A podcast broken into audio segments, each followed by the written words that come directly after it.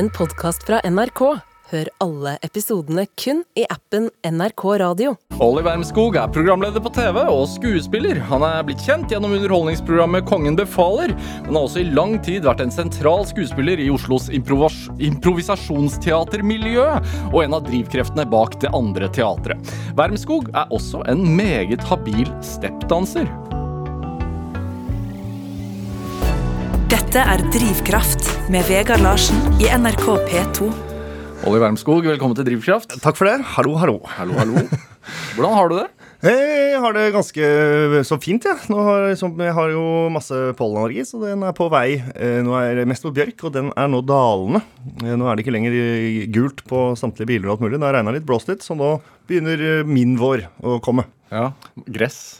Gress har jeg litt, men ikke så mye. Jeg har vanligvis Før eh, jeg fikk barn, så har jeg pleid å legge sånn turné, teaterturneer eller et eller annet, eller utenlandsferier eller noe som helst. Eh, sånn, jeg prøver å rømme vekk fra pollen, sånn at jeg aldri har pollen på en måte rundt meg. For eh, akkurat nå er det jo mindre pollen i Trondheim for eksempel, enn der i Oslo. Når starter det? Hvor lenge varer det? Ja, ja. litt fra år til år, men starter vel i slutten av mars Nei, slutten av april, midten av mai. Og varer til eh, midt uti juli der. Da roer vel gresset seg. Men jeg har ikke så Gress går greit. Ja. Så lenge jeg ikke ruller i det og koser med det. Hvor satt ut blir du? Eh, mindre, mer da jeg var liten. Eh, gans, hvor, på, ja, prosentmessig si 40% satt ut, da. Ja. Blir du sur og trøtt? Uh, ja, men det jeg blir mest sur av, er alle som skal nyte uh, Nå må man komme seg Som barn òg. Foreldrene mine ga jo det ganske kjapt opp. Sånn Ja, nå må vi komme oss ut, og nå må vi nyte været og komme oss i skog og mark. Sånn. Jeg vil aller helst være inne. Ja. Aller helst i et mørkt rom, så jeg ikke blir påminnet. Det er jo trist, det, men uh, kan se på serier og gjøre sånne ting, da. Dette med allergier, altså du har jo blitt et um, Du har gitt allergien et ansikt. ja. Du har jeg det? Jo, ja, på mange måter. Ja, jeg har blitt kontakta Astma- og Allergiforbundet også og spurt om jeg vil gjøre reklame. Altså, for de kjente at eh, Jeg har vært med i noen podkast for dem, og de er hyggelige folk, men jeg kjente at åh, jeg, kan, jeg, jeg må stoppe. Jeg kan ikke være det. men det er lett, det er, men det er bedre at folk veit det, er det ikke? Jo, det er vel å ta tyr, tyren ved hornene, ikke det man sier? Ta jo. kontroll over eget narrativ. Men eh, jeg er jo ikke noe sånn veldig flau over det. Jeg har jo hatt det hele livet. Masse Ja. forskjellig. Hvilke allergier er det? Bare for å ha, få, få- unna dette her. Eh, ja, kortversjon så er det matallergi. Eh, der er det fire store som jeg liksom dør av. Det er egg, gluten, nøtter og altså mandler og nøtter og sånn, og skalldyr. Og, og, og ja, altså du, du, du kveles av det? Ja? Hovner opp i halsen. Ja. Jeg har en sånn EpiPen, da. Det er Matvarer det ikke er noe særlig av? ja, heldigvis. og så er det jo dyr, alt av, alt av dyr som har pels. Ja. Og pollen og litt sånn der eh, Jeg hadde masse astma da jeg var liten. Ikke så mye av det nå lenger. Litt sånn støv og midd og Altså det er Den lista er lang, da. Ja. Så jeg tok jo sånn derre eh, prikktest, eller sånn som det heter på underarmen, hvor du tar sånne små streker med en kniv.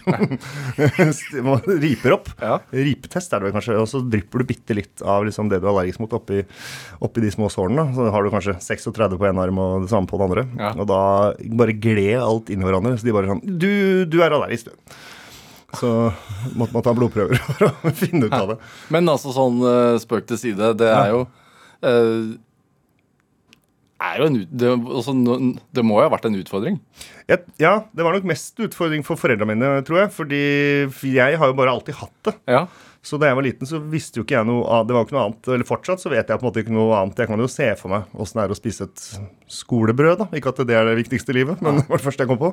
Men øh, det var nok de som var på en måte mest bekymra og tenkte at det her, hvordan skal dette gå? På måte, Ja. Og passa på og Ja. Men for min del så har det bare vært sånn. Og så var det jo selvfølgelig når man ble tenåring og begynte å flørte og litt sånne ting, så var det jo litt kjipt å komme og, være, og føle seg Når du føler deg dritt, eller når du føler deg eh, sånn polleninfisert i øya og i hele hud og kropp og alt, så føler du deg ikke på det mest attraktive. Så Nei. da var det sånn Det husker, det husker jeg syntes var sånn skikkelig dritt. Men um, Hvorfor, også, sånn, hvorfor kan ikke jeg?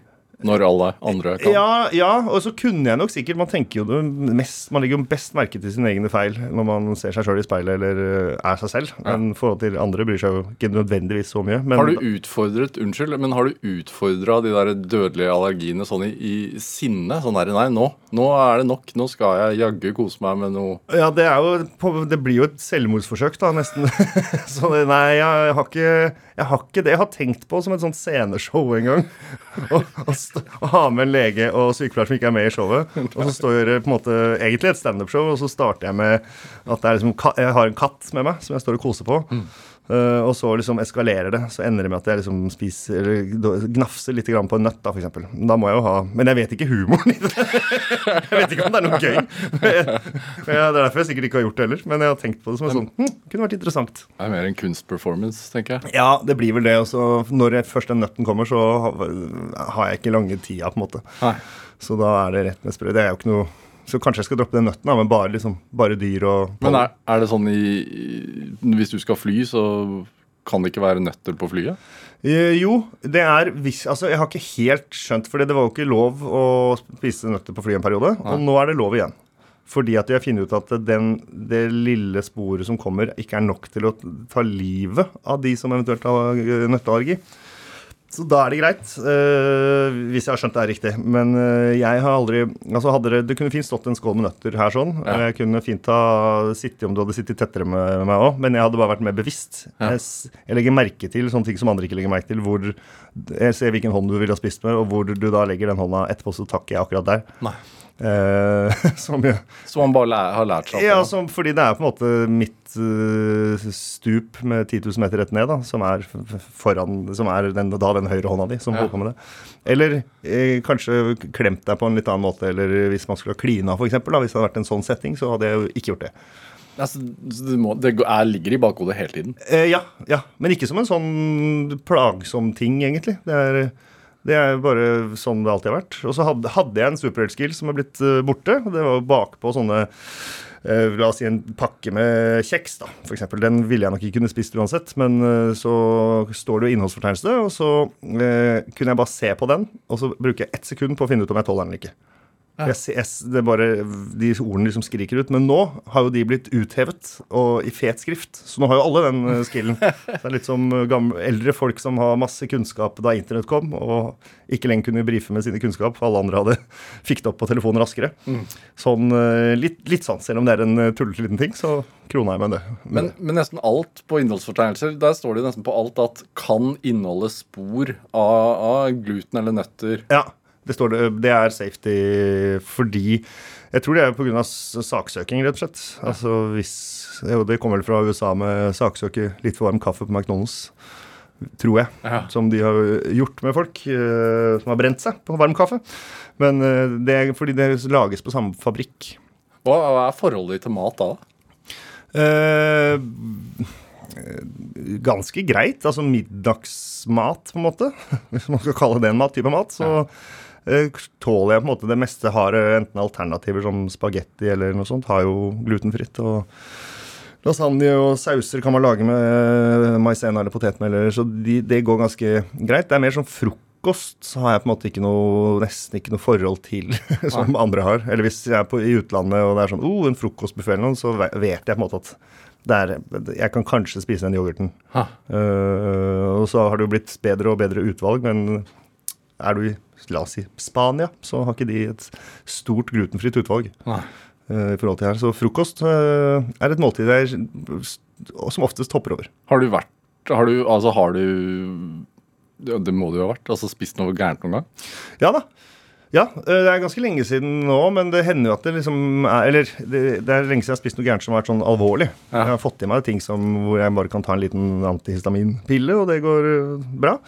Eh, men eh, jeg har jeg har kjørt til sjukehuset, spist eh, nøtter Eller sånn, jeg spiste rosiner, men det var nøtter i den skåla i bånn der, som ikke jeg var klar over. Og merka at jeg liksom, det bare tetner seg til da, i hals. Og så har jeg hoppa i en bil og kjørt altfor fort. Og måtte se opp som fysisk med hodet for å liksom åpne luftveier men jeg nærma meg sjukehuset der. Så, ja, noen sånne har jeg hatt, som har vært sånn ganske nærme. Men du får så mye adrenalin eh, som jo også skal du Det er jo det som er EpiPen. Så du har Ja, sånn EpiPen er sånn man har med seg så man kan Ja. skyte seg sjøl i låret, holdt jeg på å si. Ja, en allergisprøyte. Eh, og så produserer jo kroppen adrenalin når du blir redd, så det burde jo egentlig kompensere, men det gjør det ikke. Uh, men eh, du er jo så, eller jeg har i hvert fall vært så fylt av liksom, Jeg vet ikke om det er noen klarhet i at dette er så alvorlig at jeg bare blir veldig sånn klar.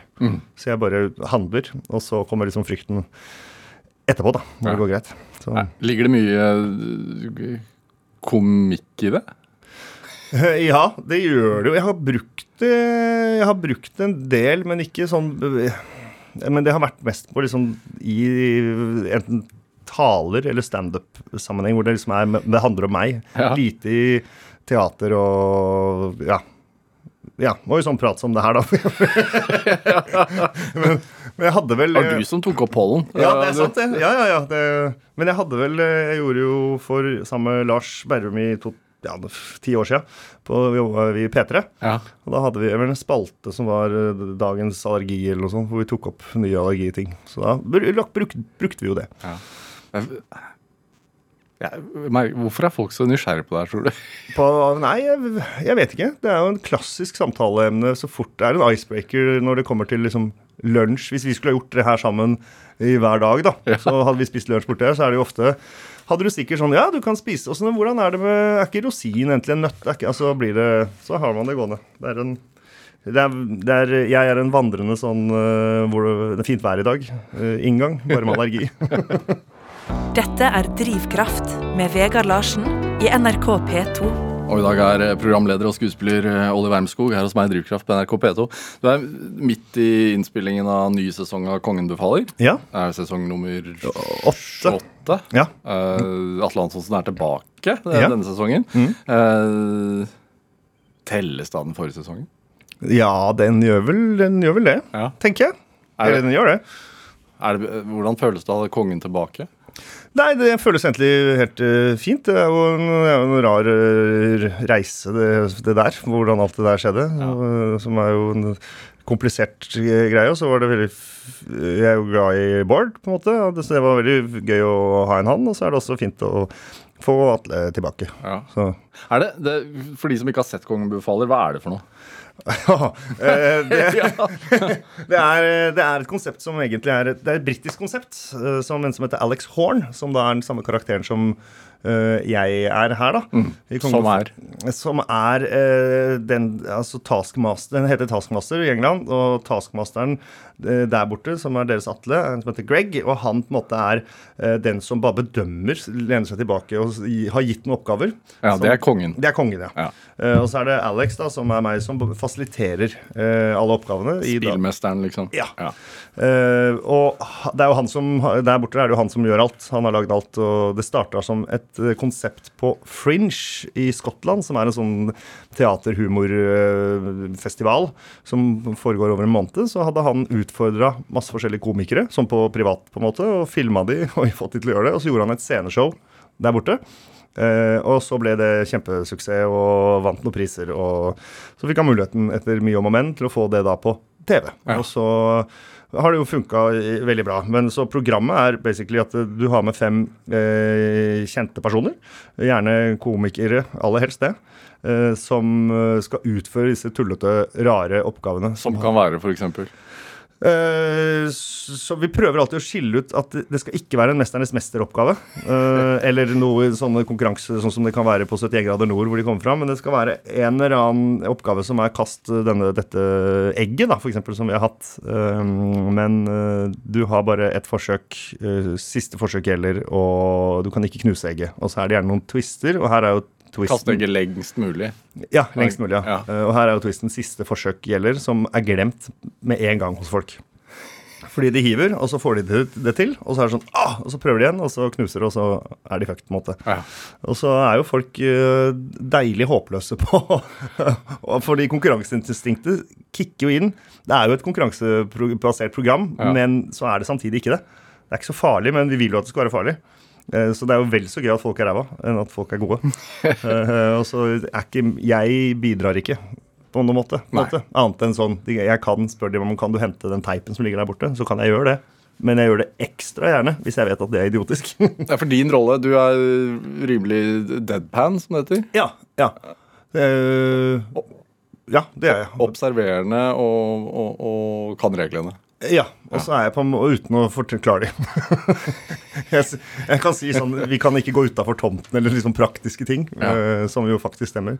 Men eh, stort sett så er vel jeg kanalen til seeren, på en måte. Sånn at, og fordi at den personen som er foran og løser disse oppgavene, ikke skal være så ekstremt alene.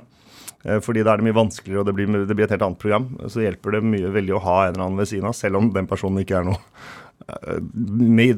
behjelpelig. da. Nei, Kjempesuksess har det blitt. Ja, det har. Altså, konseptet er veldig takknemlig og, og godt.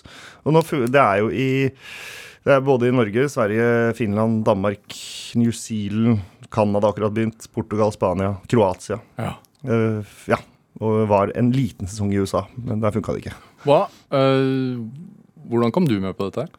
Det, det var jo uh, Concord, da, som er produksjonsselskapet til Ylvis-gutta, som koproduserte første sesong sammen med Nordisk eh, film og TV. Og de lagde eh, da første sesong, og Bård, eh, vet jeg, og kanskje Vegard òg, men i hvert fall Bård hadde sett meg i noe greier. Og hadde skrevet til noen sånne småsketsjer som jeg hadde vært og filma, altså en pilot, et forsøk til å prøve å få, få det på TV, som ikke jeg visste at han var med på engang. Så når de drev og holdt på med å liksom finne De fant Atle, og så ringte de meg. Og da hadde jeg ironisk nok uka før fått opp uh, Taskmaster på jeg tror det var på Instagram, på liksom feeden min der sånn. Så hadde jeg vært inne og sett på, og da endte jeg på med å se hele sesong én, for jeg syntes det var så gøy. Og så ringte de og lurte på sånn Du, kunne du kommet inn for det greiene? Så jeg var sånn «Øh, Ja, jeg kommer inn.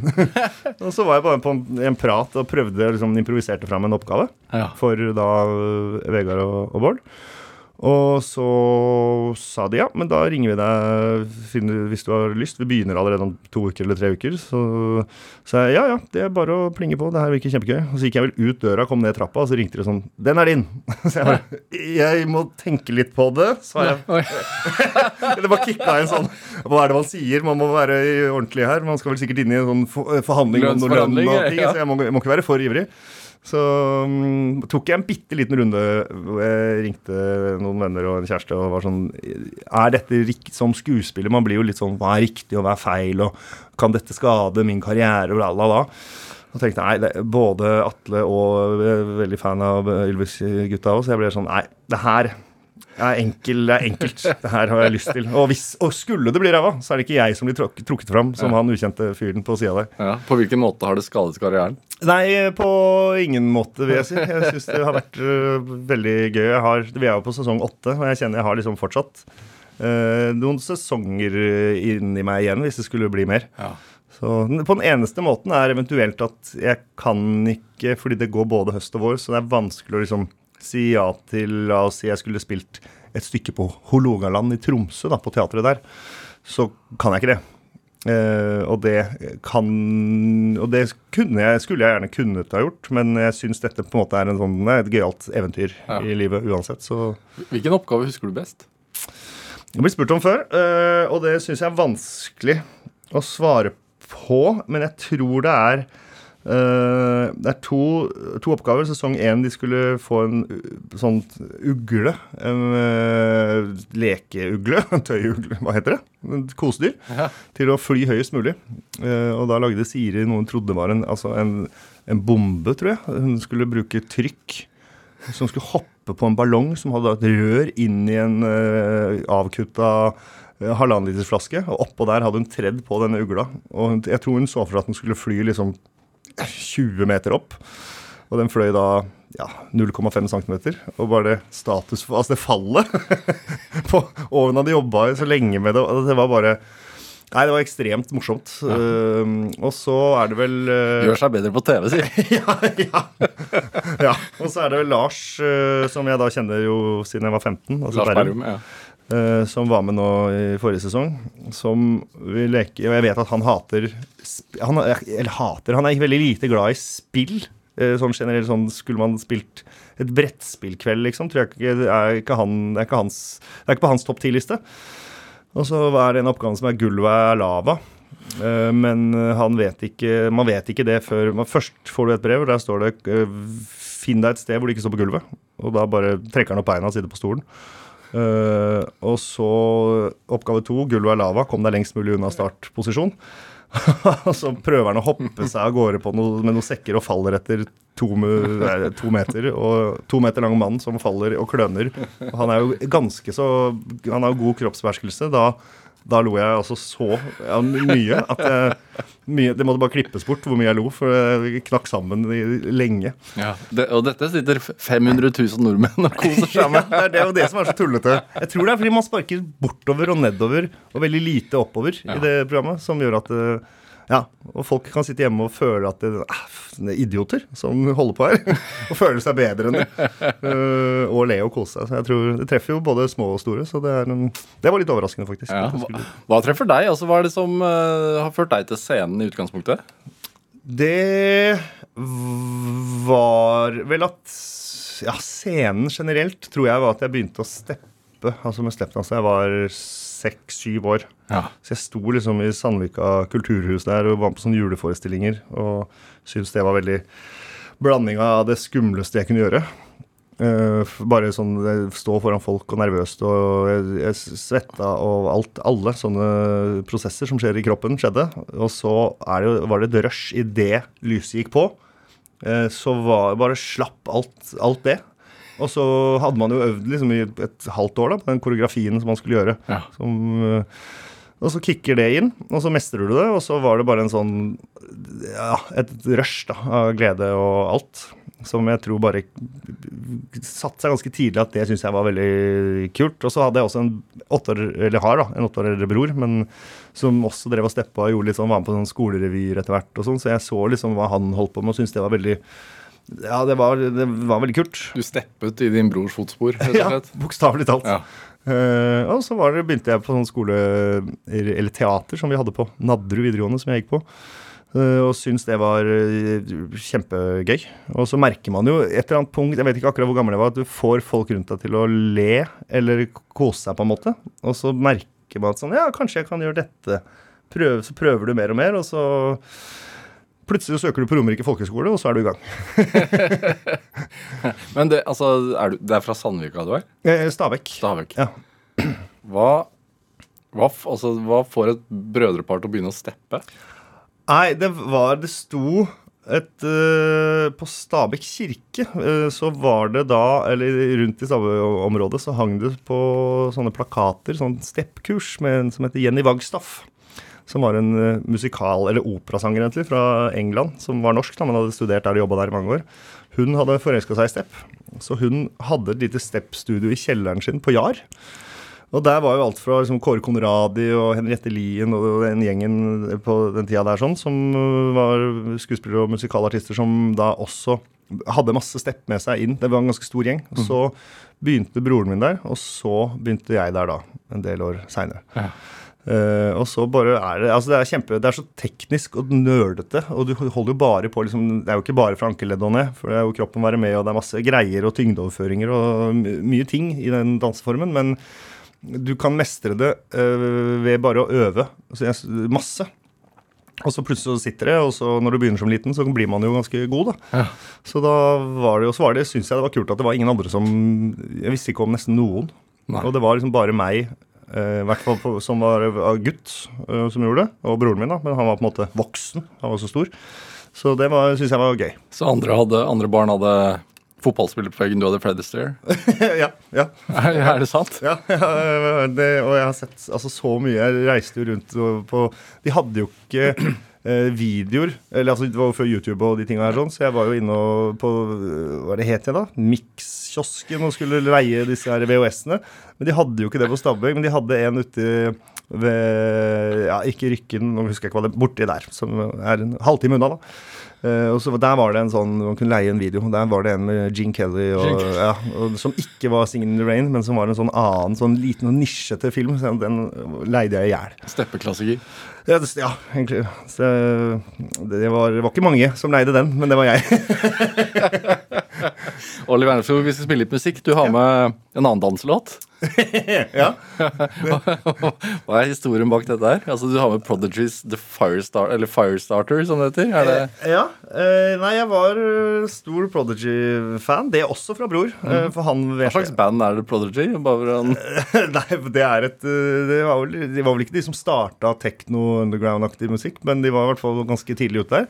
Og ble veldig store. Det er ganske hard teknomusikk, men som er inspirert av litt sånn Jeg skjønte i etterkant litt eh, mm, Det er litt sånn rockbasert eh, musikk også, for det er jo mm, mye analog Eller elgitarer og Det er mye som er gjort som ikke bare er liksom gjort inn på data.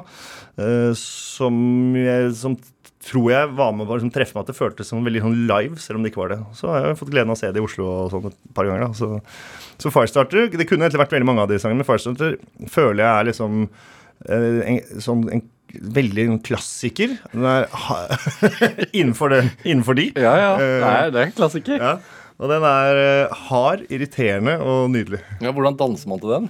Nei, det er vel Jeg sto på rommet og øvde, husker jeg øvde på sånn pop lock, eh, sånn bølge waves og holdt på med alt mulig rart for å prøve. som jeg sjelden har tatt utafor det rommet. Men uh, det er vel Det var det i hvert fall jeg prøvde å holde på. Prøvde på sånn Snake på gulvet og sånn, men jeg vet ikke om det er sånn man danser til den låta her egentlig. Man danser Har du aldri, aldri, aldri danset den dansen foran noen? Firestarter Firestarter, Den private Firestarter-dansen. Ja. Nei, det tror jeg ikke at jeg har gjort. Og så var det jo ikke en ren, ren koreografi. Jeg bare prøvde å følge rytmene.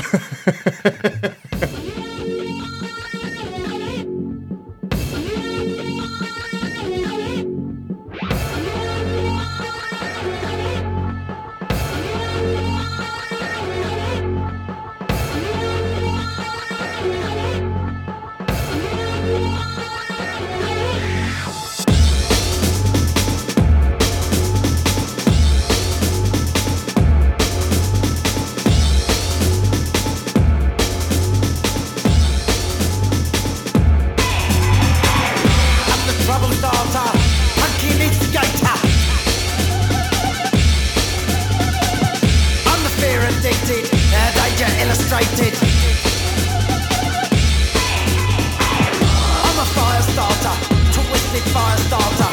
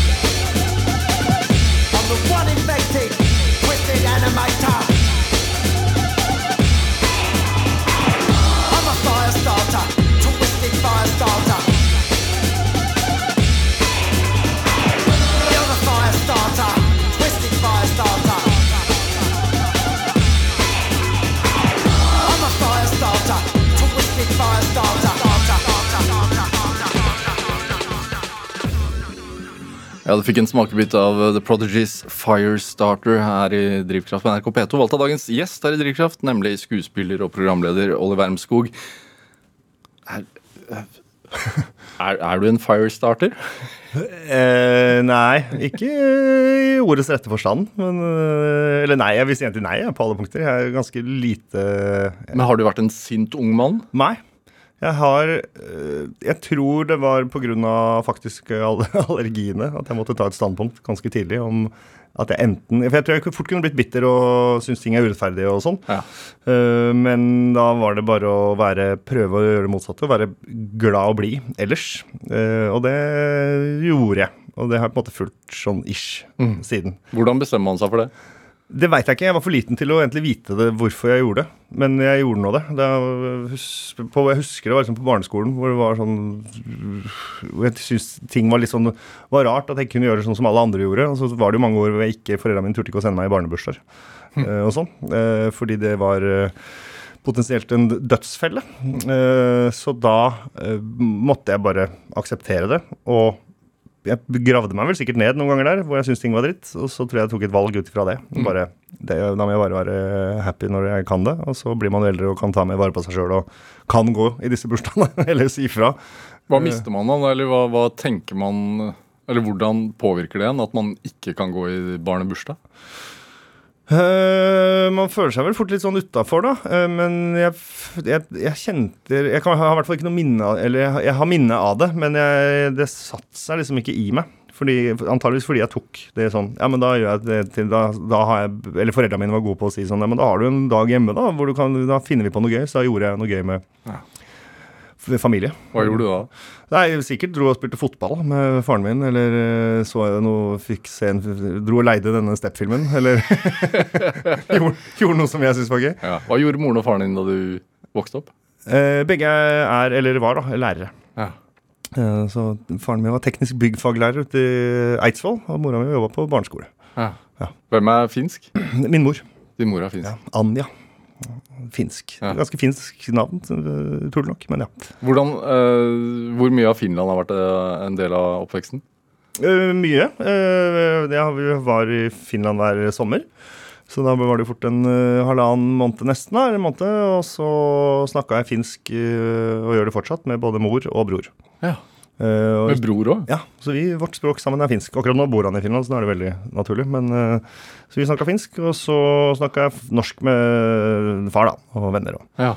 Sånn. Så du og bror hadde på en måte et slags hemmelig språk når dere var ute blant folk? Uh, ja, ja, og det er jo veldig få som snakker finsk i Norge. Eller i hvert fall ja, enda færre før. Ja. Og gøy å være i utlandet, og sånn, så vi hadde vårt liksom røverspråk.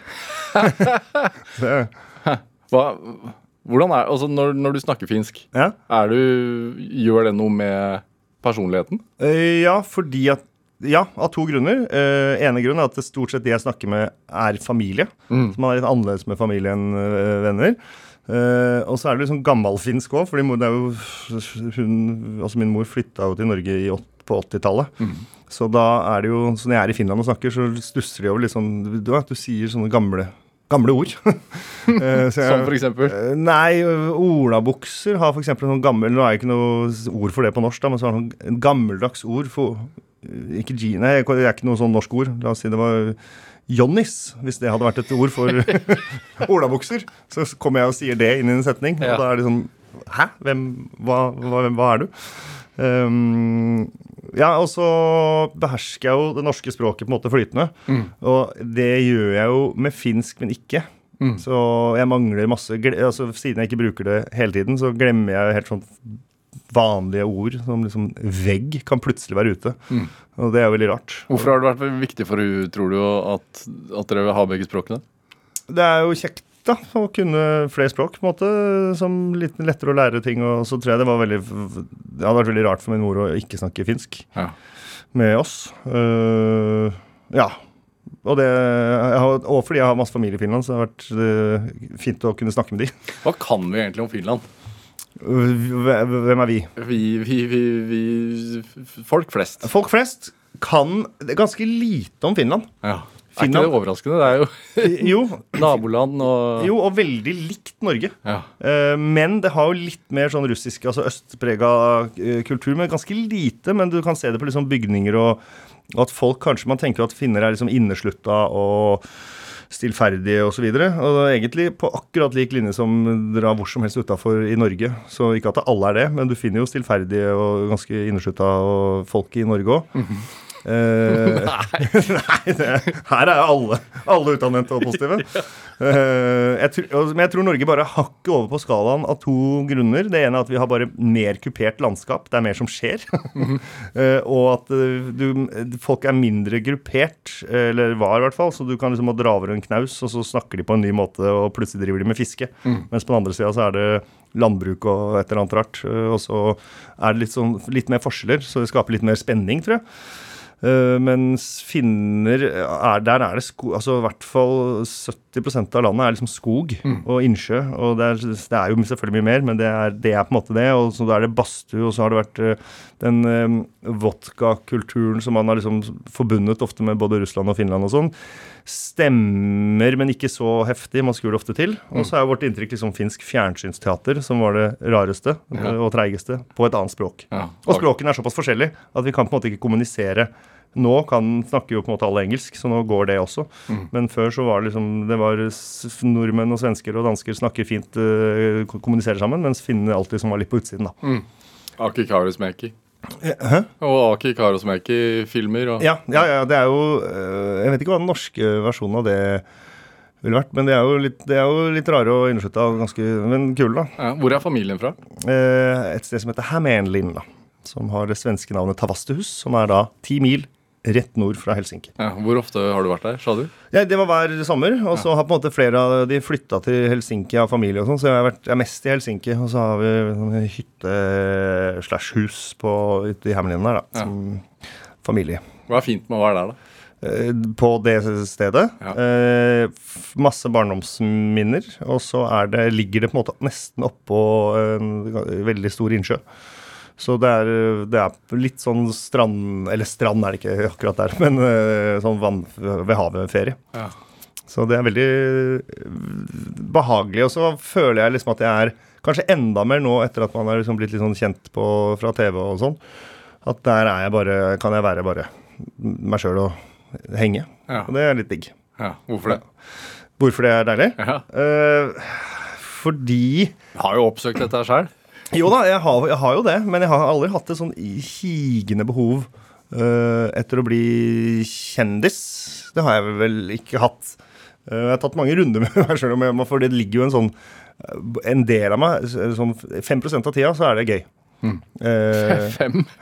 ja. Jeg har ingen behov sånn når jeg er ute. Altså, nå med en sønn da, på da, seks år barnehager og rundt og forbi, at jeg har ikke noe behov for at det skal handle om meg i det, i det hele tatt.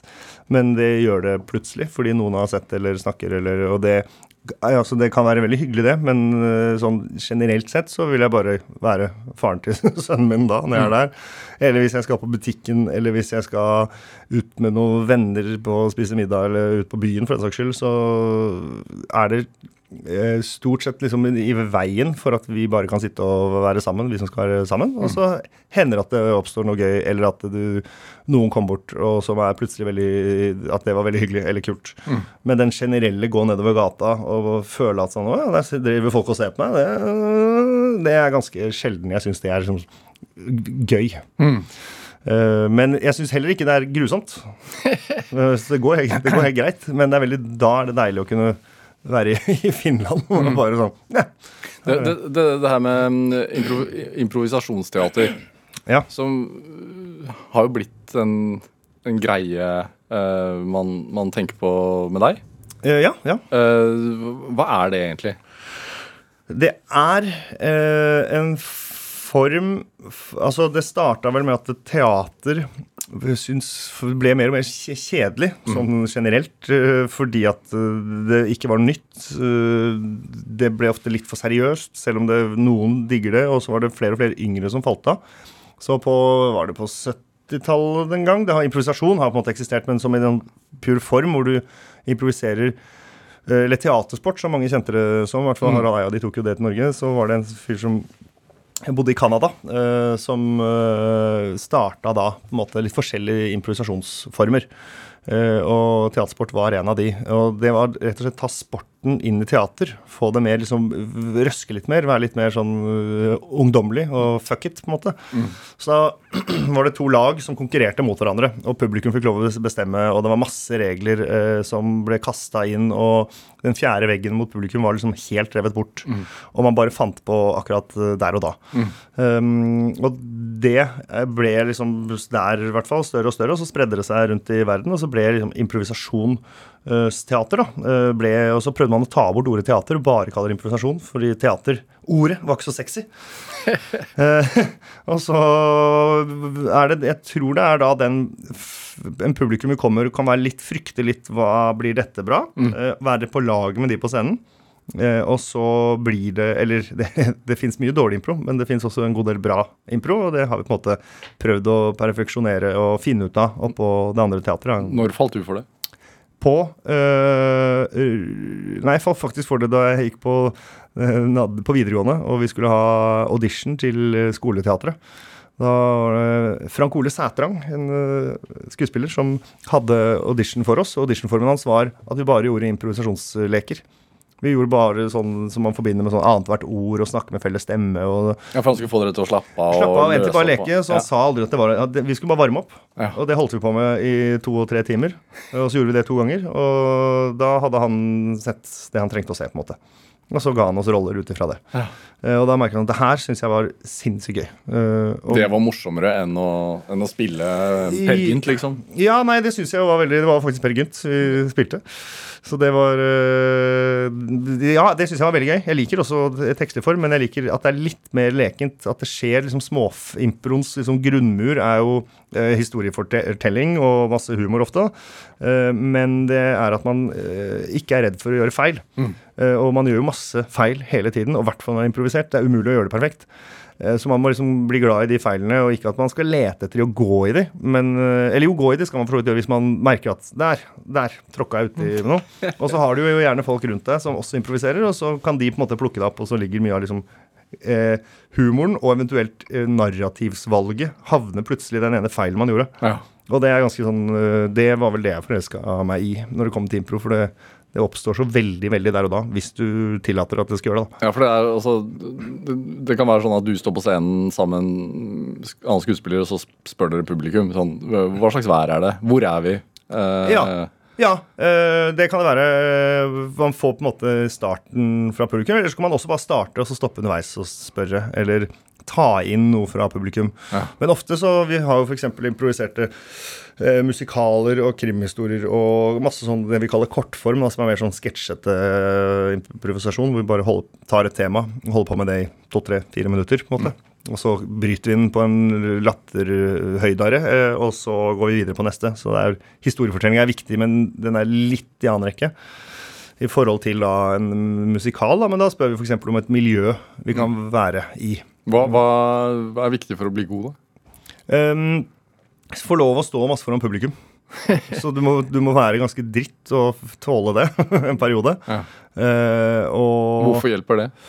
Fordi du lærer Altså, det er flere måter å trene på, da. Du kan jo trene uten publikum, eh, og det er jo bra. Og du kan snakke mye om hva som er gode og dårlige valg, på en måte. Innafor eh, enten karakter eller innenfor historiefortellinga eller der. Eh, Vi snakker mye om blokkering eller akseptering av tilbud. Og hvis man f.eks. noe så enkelt som sier 'skal vi gå på butikken', og du responderer med å si nei, så stopper på en måte historien. Med mindre, med mindre det er, man, skal si, man skal ikke si nei til historien, da. Du kan si nei til de du spiller med, men det er antageligvis et dårlig valg. Ja. For da er sånn «Ah, OK. Nei, men da øh, Så man må liksom begynne litt på nytt. Selv om vi ikke har noen plan med skal vi gå på butikken, så hvis du blir med på det, så kult. Så finner vi ut av det Ja. på veien. Eh, og så aksepterer man på en måte hverandres tilbud og historien, og så kommer man seg fremover.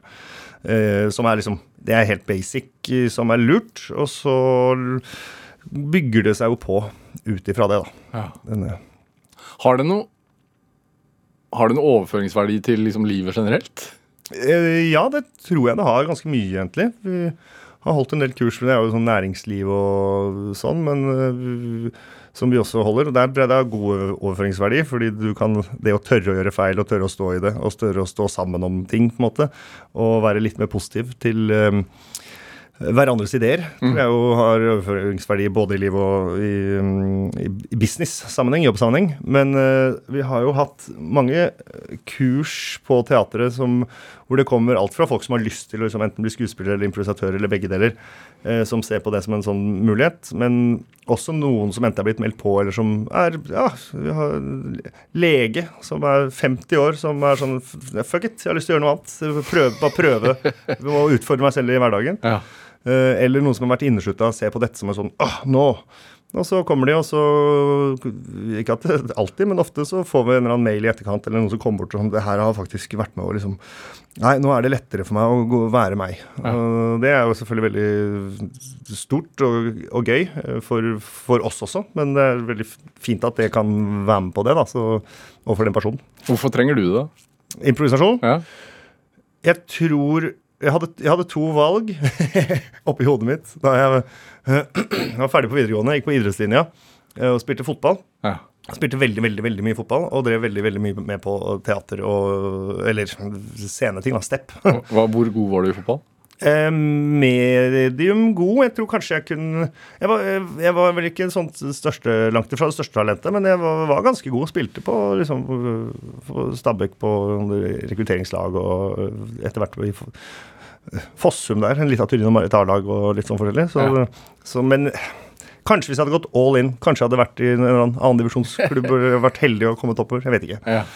Det er alltid vanskelig. Jeg føler det er en uh, fotballtalent rundt uh, hver en sving, holdt jeg på å si, i Norge. Men dette valget Valget, ja. Uh, så jeg måtte enten velge mellom fotball eller teater. Følte jeg, jeg følte ikke det var noe annet jeg kunne gjøre. Og begge de to tingene, i hvert fall når det kommer til impro, eller stå på scene og fotball, jeg føler meg aldri så i nuet som jeg gjør med begge de tingene. Når jeg spiller fotballkamp, så er alt handler om det. Og du skal på en måte Eller du, du får ikke muligheten til å tenke på noe annet, for det skjer så mye. Uh, når du er på banen, da, i hvert fall. uh, og det samme med improvisasjon. Eller stå på scenen, så er det liksom det er akkurat dette. Akkurat nå. Både vi, publikum, alle er sammen om dette. Og det syns jeg er en sånn Jeg føler meg så levende, da. Uh, at det gir meg veldig, veldig mye. Um, og akkurat hva det gir, det er, jeg, synes jeg er ikke glede, selvfølgelig, men også bare tilstedeværelse i, med de, i, i deg sjøl og med de rundt deg, som ikke så mange andre ting gir meg i samme grad. Ja. Så jeg tror vel det er det, hovedsakelig. Er det det, det, det andre teatret, altså, som, som ja, ligger oppå på Sagene-ish Ja, eh, Lilleaker, Torshov, ja. Oslo. Ja. Ja. Det er en scene som utelukkende dere starta for dette her? I 2011 så åpna vi det, og da var vi forskjellige grupper som spilte en gang i uka. På, noen spilte på Chateau Neuf, vi spilte på Sentralteatret. Ja. Det var en gjeng, og så var det noen på Parkteatret, og så var vi jo på en måte alle venner og kollegaer, da.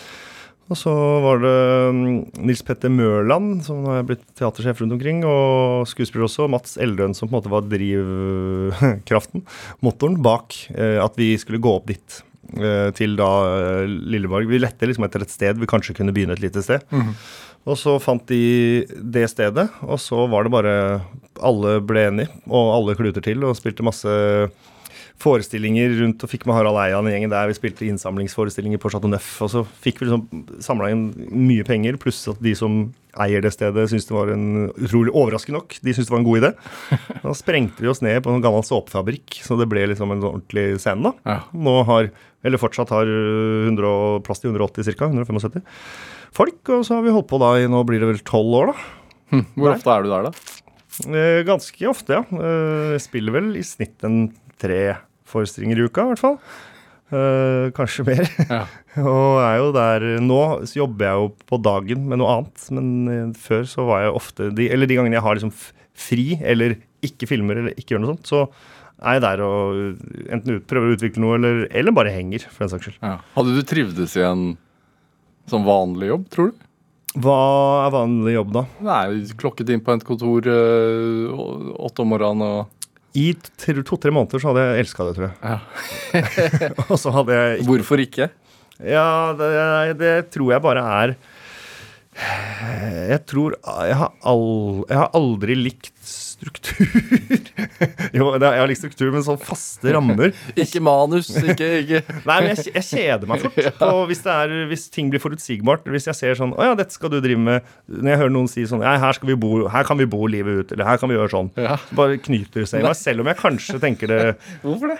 Nei, jeg veit ikke. Jeg har lyst til å liksom øh, Jeg, tror- jeg tror alltid jeg har vært sånn. Jeg, ikke at jeg må gjøre nye ting hele tiden, men jeg liker tanken på at jeg kan gjøre nye ting. Ja. Og så gjør jeg nok mer nye ting enn hva liksom jeg snakker med, henger med barndomsvenner og sånn som har litt mer A4 til liv. Og veldig, de har det veldig fint med det, og det er, det er topp. Ja. Men jeg bare jeg får en sånn huh, skal jeg, Skulle det vært Skal jeg gjøre det hele livet? Frihets... uh, det- Ja. ja. Kanskje det er det. Jeg vet ikke, jeg vet ikke akkurat hva, den, øh, hva det er. Men, øh, men jeg har det jo også Jeg har det jo veldig fint med det jeg har nå. Og så er det ikke noen tanke om å liksom gjøre noe revolusjonært og flytte til Sør-Afrika og starte hostell. Men øh, en liten del av meg tenker mm. det kunne vært gøy, da. Tenker du at uh, altså, tenker sånn, Siden du har levd med denne allergien hele livet, Ja. og, og altså, sånn sett også vært sånn, hatt noen sånne nær døden-opplevelser med, med kveling og sånn. Er det, er, det er, gjør det noe med livssynet? altså sånn uh, oppfatningen? Er livet kort eller langt, eller Nei, det er vel ikke verken eller. Jeg, hadde, altså jeg var, var veldig redd for å dø da jeg var liten. Eh, som jo sikkert veldig mange er. Og den sitter vel fortsatt i Jeg har liksom ikke lyst til det. I hvert fall ikke foreløpig. Eh, men det Det er bra. Takk. Eh, Men, men ettersom det ikke hadde kommet nå Hadde jeg fått liksom alt dette nå, i dag, vært helt frisk, da, for å kalle det det, eh, og fått alt det nå, så tror jeg det hadde vært helt jævlig. på en måte. Da, for det er for mye. Men ettersom jeg alltid har hatt det, så har det på en måte ikke vært en sånn og det er ikke en dødsdom heller, så det ikke, jeg har liksom ikke kjent på det på den måten. Den frykten for at ting kan skje, er ikke noe sterkere. Heller nesten andre veien. Jeg gidder liksom ikke å Prøver å ikke bry meg. Men så bare ligger det der litt som uh, at jeg får noen sånne skills, som at jeg kan se hvilken hånd du spiser nøtter med, osv. Mm. Men det er ikke noe som jeg liksom føler er begrensende, eller setter livet på en sånn Uff, dette er ekstremt sårt, eller skjørt. Mm, nei, det er det ikke. Nei. Nei. Men uh, ja. Blir man flink til å lese folk? Jeg tenker når Med improvisasjon så Ja. må man jo være veldig på hugget. ja. Jeg tenkte på allergien. Ja. ja, han har spist nøtter. Eh, ja, det blir du nok. Du blir nok bedre på det, men det er ofte i Jeg vet ikke om den har overføring til f- bare liksom person, hvordan folk er. Men kanskje på emosjoner og sånn, mer enn hvordan de er. Så jeg kan rask, raske liksom plukke opp eh, stemninger i rommet, eller hvordan, om man har det bra eller ikke. Kanskje litt mer sånn lydhør uh, og bevisst. Men uh, ikke som en sånn agent som kunne gått uh, rett inn og vært spion, på en måte. Det, eller kanskje det, hadde, kanskje det hadde vært noen fordeler, men det, har jeg- har- det har jeg ikke tenkt så mye på. Er det, jeg vet at dere er veldig opptatt av likestilling på det andre teatret. Ja, prøve i hvert fall. Hvor- Hvorfor er det viktig? Hvorfor det er viktig med likestilling? Ja. Eh, det, Er det lite av det teatret generelt? eh, det er vel lite av det sånn generelt. Ja. Eh, men altså, det er jo masse av det også, og Norge er jo bra. Men vi var litt heldige, i hvert fall når det kommer likestilling til altså, kjønn, da. Så Eller kjønn som det var da. Hvordan man skal uttrykke seg helt riktig på det. Men da var vi jo 50-50 menn og damer. Um, I ganske jevn uh, alder. uh, unge folk som tilfeldigvis måte hadde havna i impro og tilfeldigvis hadde lyst til å starte det sammen. Så når vi starta det, så var det helt sånn uh, likt. Uh, og da ble vi, vi som menn da inn der Vi hadde masse Facebook-grupper og var masse sammen. Og, så vi fikk veldig sånn eh, eller styr og forståelse Styr på og forståelse av hvordan det var å være dame inn i hverdagslige ting som ikke vi hadde tenkt noe særlig på. For de kommenterte alt fra liksom, å, en plakat som hadde bare menn.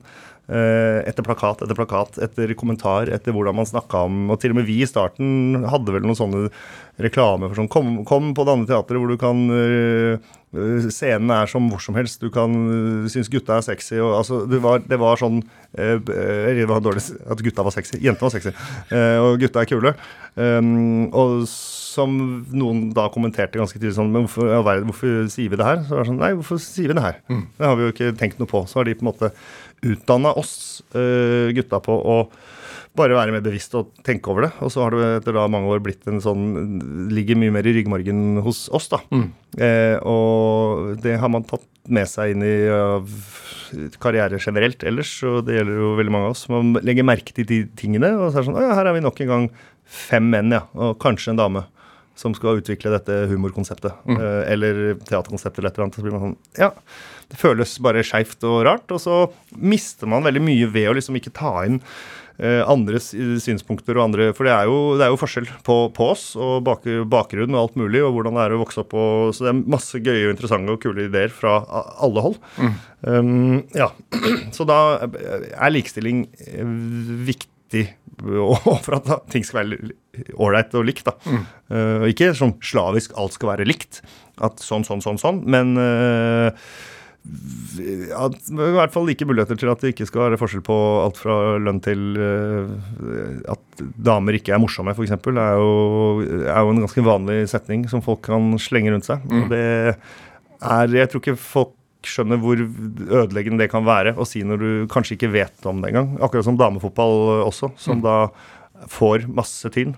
Um, som når man er, jo kan være forståelig noen ganger når man er vant til eh, Premier League, med, som er eh, jo ganske Eller en annen liga, hvor folk er helt sinnssykt gode. Og så gå og se en norsk førstedivisjonskamp på, med- på damesiden, så er jo det ganske stor forskjell. Men det er det jo i tippeligaen òg. Ganske stor forskjell på eh, Stabæk Brann og Liverpool City. Eh, Men eh, der er det ikke noe tyn i samme grad, da. Litt norsk fotball. Men ja. Så snakka jeg meg bort her, men Ja. Oliver Wermskog, en time går meget fort. Ja. Um, er det Nå altså, gjør jo dette improteatret tre ganger i uka, og Kongen befaler noe, men hvor går veien videre? Nei, det veit jeg ikke helt. Eh, Og det koser jeg meg litt med. Hva, er, skal- hva er drivkraften, da? Drivkraften tror jeg ligger i det jeg sa, nevnte i stad med at du føler deg 100% til stede. Jeg har lyst til å føle meg veldig til stede i de tingene jeg gjør. Og føle at jeg liksom Jeg føler at jeg lever, da. Ja. Eh, Det liker jeg. Å jobbe med folk. Det er vel drivkraften generelt, og ikke bare liksom jobb og kunstnerisk. Tusen- Oliver Wermskog, tusen takk for at du kom til Drivkraft. Selv takk. Hør eh, flere samtaler i Drivkraft eh, på nrk.no eller i appen NRK Radio. Der kan du også eh, følge oss, og du får alle Drivkraft-episodene automatisk inn i appen eh, med en gang vi har eh, lagt de om som podkast. Send oss eh, ris eller ros, og også tips til mennesker som du mener har drivkraft. Send en e-posten til drivkraft-nrk.no. Vi hører veldig gjerne fra deg. Produsent i dag det var Kjartan Aarsand, mens eh, Camilla Bolling Muir bidro med research til denne sendingen. Men dette, dette var Drivkraft. Jeg heter Vega Larsen. Vi høres. Du har hørt en podkast fra NRK. Hør alle episodene kun i appen NRK Radio.